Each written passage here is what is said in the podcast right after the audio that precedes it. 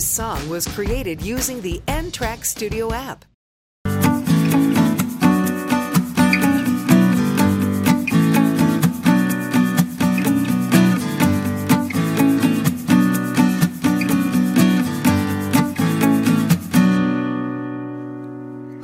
Assalamualaikum warahmatullahi wabarakatuh.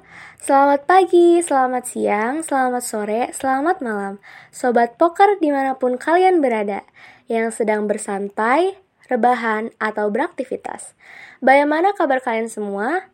Semoga selalu diberi kesehatan. Dan untuk yang sedang tidak enak badan atau perasaan, sabar. Semua akan indah pada waktunya. Kali ini kita kembali lagi mengudara di Via Suara bersama saya Denisa Salsabila atau Sasa yang siap memberi inspirasi dan informasi dari bintang tamu yang hebat di bidangnya masing-masing. Nah, Sobat Poker, guest star atau bintang tamu kali ini yaitu wanita hebat sekaligus ketua ekskul Sanggar Seni Kobong dari Mandua Tasikmalaya. Assalamualaikum. Waalaikumsalam. Nah, udah tersambung ya. Uh, hai Kak. Halo. Selamat siang. Iya, selamat siang. Uh, boleh dong Kak, langsung perkenalan aja ya. Silahkan. Oke, kenalin. Uh, nama aku Didah Nur Farida dari kelas 12 MIPA 4 Mandua Tasikmalaya. Oke kak, Dida, uh, to the point aja nih ya. Kalau boleh diceritain garis besar sejarah Sanggar Seni Kobong dan kenapa namanya bisa Sanggar Seni Kobong? Sanggar Seni Kobong, aduh, Sanggar Seni Kobong itu dulu didirikan pada tahun 2000, tepatnya tanggal 18 Oktober tahun 2000 yang dirintis oleh Kang Asep Salik. Dulunya eh, nama Sanggar Kobong itu bukan Sanggar Kobong tapi terdiri dari beberapa nama. Nama Sanggar Kobong itu nama yang keempat. Yang pertama itu Sanggar Kaca. Terus diganti lagi jadi Sanggar Emans, terus Sanggar Mandiri dan terakhir itu Sanggar Seni Kobong itu oleh Pak Agus Awe. Uh, kenapa namanya Sanggar Kobong? Karena kita tahu lah ya Cipasung itu wilayahnya santri gitu. Hmm. Karena dulu tuh rata-rata anggotanya semua tinggal di Kobong alias mereka santri gitu. Dan Kobong itu sebenarnya singkatan juga kolaborasi dari orang-orang iseng. Oh, jadi kobong itu bukan berarti kamar ya, Kak? Bukan. itu sebagai identitas kesantrian lah. Oh, gitu. Kalau pembinanya ada siapa aja dan ada di bidang apa? Untuk pembina itu ada tiga ya di Sanggar Kobong itu. Paling banyak yang pertama itu ada Kang Ilham. Kang Ilham itu uh, di bidang teater biasanya. Di, di bidang teater emang bener. Uh, juga disuka ngebina tari juga sih Kang Ilham. Terus kedua itu ada Parais di bidang seni karawitan. Terus ada juga Bu Oci. Bu Oci itu di bidang musik barat suka ngebina padus. Hmm, kalau mengenai eksistensi ekskul nih kak, by the way, divisinya terbagi berapa dan ada apa aja di Sanggar Seni Kobong? Buat divisi, uh, sekarang ada lima divisi. Sebelumnya tahun beberapa tahun lalu ada sekitar enam divisinya. Kalau sekarang ada lima, yaitu seni tari, seni teater juga musik barat atau biasanya anggota bilangnya musik modern tapi sebenarnya musik barat gitu. Terus juga karawitan ada juga seni rupa. Kalau latihannya latihan rutin hari apa aja? Latihan rutin kalau untuk latgab semuanya digabung hari Jumat. Kalau buat masing-masing divisi itu beda-beda. Kalau tari itu hari Rabu sama teater Selasa Rabu, musik barat tuh Selasa Kamis, karawitan Rabu juga karena saat disatuin sama tari. Kalau seni rupa itu Kamis. Oh, jadi ada latihan gabungan untuk semua divisi gitu. Iya, uh, itu teh hari Jumat. Oh. Bisa biasanya juga latgab gitu sama anak sanggar lain kayak dari Semuy, kayak dari Kokol gitu. Sip, mantap kalau gitu. Eh, uh, kalau mengenai program nih Kak, untuk program yang udah dijalanin apa aja selama masa jabatan Kadidah? Program yang udah dijalanin dijalani itu baru sedikit sih. Kayak uh, apa ya? Uh, kayak itu tuh kan sekarang pandemi jadi banyak program yang ketunda yang baru dijalin itu setiap anak-anak bikin karya di rumahnya masing-masing. Terus kita post di IG sebagai apresiasinya juga kan anak-anak seneng kalau banyak followersnya. Jadi siapa tahu ketika kita post di Instagram jadi mereka jadi punya banyak nambah followers gitu juga. ya nambah followers. Iya. Bener sih itu emang millennials banget sih. Kalau program yang tertunda atau mungkin belum tercapai?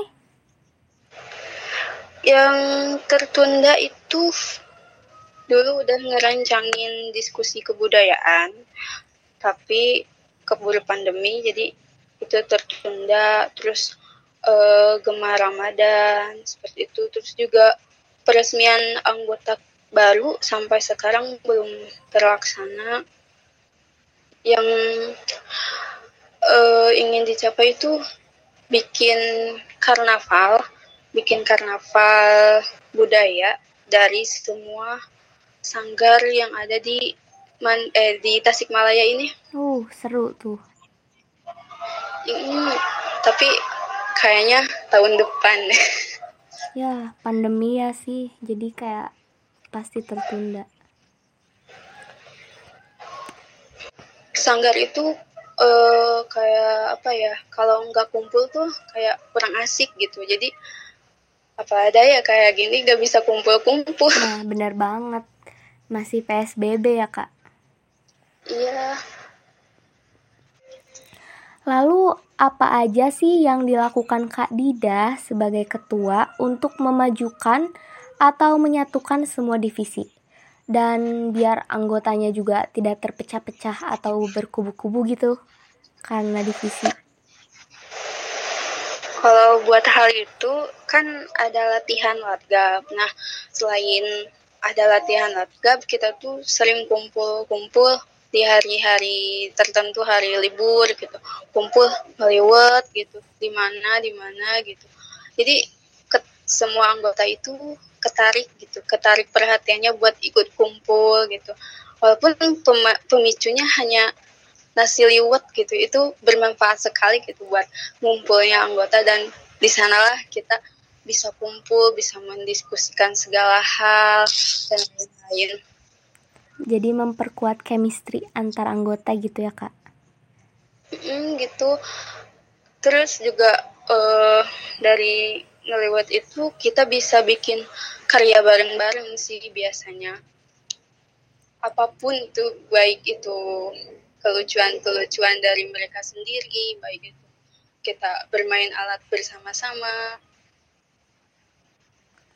Ih, kalau Kalida itu kan uh, wanita ya sebagai ketua di Sanggar Seni Kobong yang mempunyai banyak divisi. Pasti ada susah senangnya kan Kak jadi ketua. Kira-kira susah senang atau rintangan dan tantangan jadi ketua menurut Kadida gimana? Apa aja? uh, jadi ketua cewek tuh aduh kayak gimana gitu ya rasanya. Kan sanggar kubung itu dari dulu dulu ketuanya cowok semua. Pernah ada satu kali cewek tapi lost contact gitu. Jadi susah buat uh, nanya-nanya gimana caranya jadi ketua cewek yang baik teh gimana gitu. Oh gitu. Sekarang tuh gak bisa. Aduh kayak gimana ya kayak gimana ya. Masih bertanya-tanya seperti itu.